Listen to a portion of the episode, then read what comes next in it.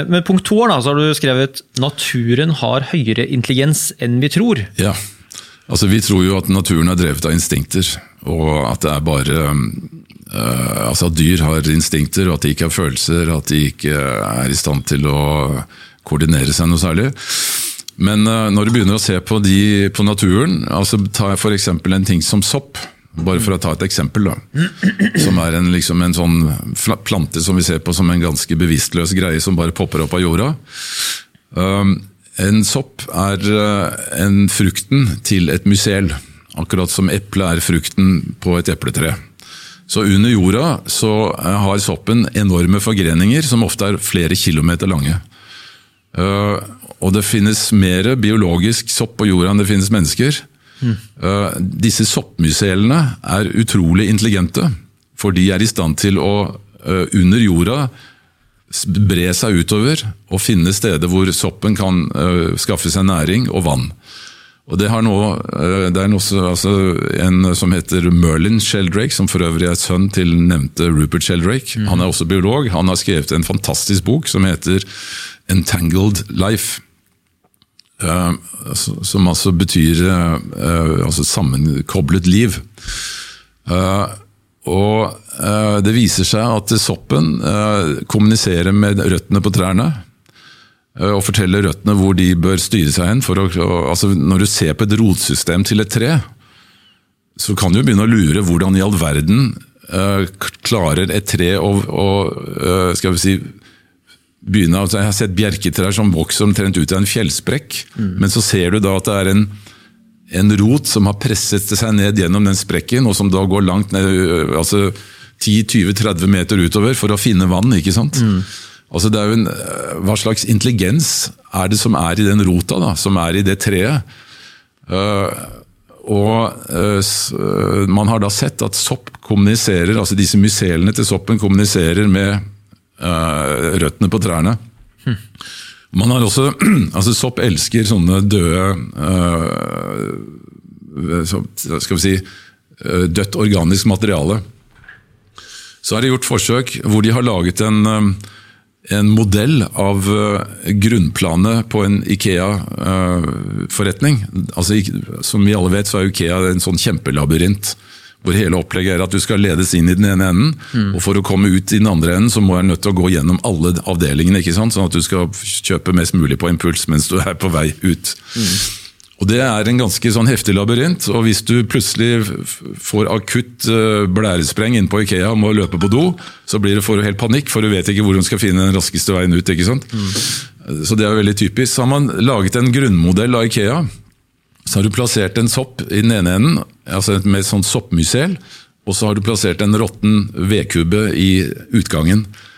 Og så ser man da at soppen på veldig kort tid klarer å finne veien gjennom alle de irregangene, fordi den sprer seg først ut i alle retninger. Også de retningene som da møter veggen, trekker seg sammen. og så, altså den, Soppen har jo sånne tentakler da, som går ut i i alle mulige retninger. Og så beveger den seg som en sånn svær organisme helt til den finner utgangen, og det går veldig fort.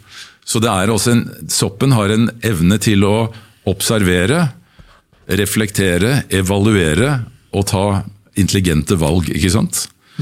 For at den skal klare å overleve da, og finne næring. Hva ligger du i intelligens for øvrig? Ja, så Intelligens er jo nettopp muligheten til å både observere og reflektere over det du, det, du tar inn. ikke sant? Eh, og også å, å, kunne agere på den informasjonen. Så det er jo, altså Naturen handler jo i bunn og grunn om informasjonsutveksling. Men for å kunne dra nytte av den eh, informasjonsutvekslingen, så må du ha et intelligent element som er i stand til å vurdere informasjonen. ikke sant? Det mener jeg er intelligens. Så inn i din egen kropp. Altså, du har jo eh, fem fysiske sanser, pluss noen eh, ikke-fysiske sanser, som vi heller får snakke om seinere. Men eh, du, det er jo noe, noe inni deg som observerer observasjonene dine. Ikke sant?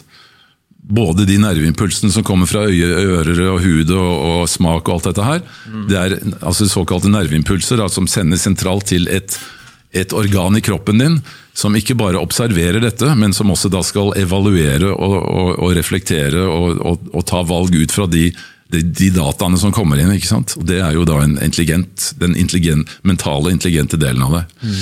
Og Den styres jo av veldig mange ting, da, ikke sant? som eh, følelser, assosiasjoner, masse mentalt tankegods osv.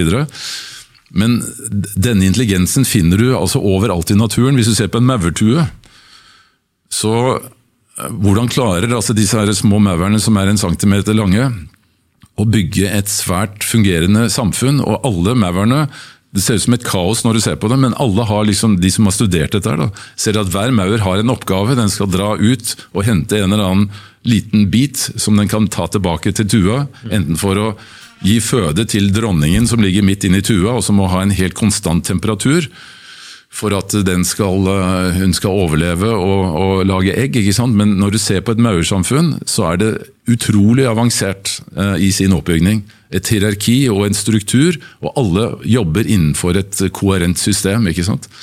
Samme med kroppens celler. som også, Vi har jo utrolig mye intelligens inni kroppen som vi ikke eh, fatter. altså Hvordan klarer alle cellene å, å operere da i et koherent system, sånn at kroppen hele tiden både reparerer seg selv, og, altså vedlikeholder seg selv, og holder alle disse balansene. altså Du har en jevn kroppstemperatur, du har en jevn pH i blodet på 7,365. Hvis den avviker med en tiendedel, så dauer du. ikke sant? Mm. Hva slags intelligens er det som holder disse balansene på plass? Hva slags intelligens er det som gjør at en aminosyre kan avlese et gen for å skape et protein som skal brukes i en spesiell prosess inni en celle innenfor et gitt tidsrom? Hva slags intelligens er det som styrer det? Det vet vi ingenting om. Vi bare sier at det, det er sånn. ikke sant? Vi har satt navn på det, vi ser hva som skjer, men vi kan ikke si hvorfor. Er liksom de to eh, motpolene i, i i meningsspekteret her at eh, det er litt sånn fri vilje determinisme, eller ting går på automatikk eh, versus at det er en intelligens som på en måte gjør vurder løpende vurderinger. Er det liksom de steile ja, altså det, er, det, er jo det. Altså, det uh, naturvitenskapen uh, fornekter altså begrepet intelligens. Det er et mm. altså, Som de sier på engelsk, da, the C-word er liksom forbudt i naturvitenskapen. Du kan godt bruke the F-word, but the C-word, uh-oh. Mm. Ikke sant? Sånn at, eh, og Vi har jo denne merkelige placeboeffekten som vi ikke kan forklare. ikke sant? Det er så mye som vi ikke kan forklare når vi, ser, når vi tror at verden er primært fysisk. Så er det så mye som ikke stemmer. Forklaringen får du når du begynner å se på at, uh, altså denne nye måten å se fysikken på. som da, da faller brikkene på plass. Men, uh, så jeg mener jo at naturen uh, selvfølgelig er syder av intelligens og bevissthet. Og ellers hadde det ikke fungert i det hele tatt. Altså, du ser hvor perfekt ting er. ikke sant? Mm. Hvis alt bare hadde vært tilfeldighetenes spill, så hadde det jo vært så mye feil. Og så mye kaos. Men altså, naturen er jo så utrolig velorganisert. Alle disse balansene i naturen. ikke sant? Hvis noen arter vokser seg litt for store, så desimeres de. og, så, og sånn er hele denne balansen det er, kan ikke umulig være bare basert på tilfeldigheter.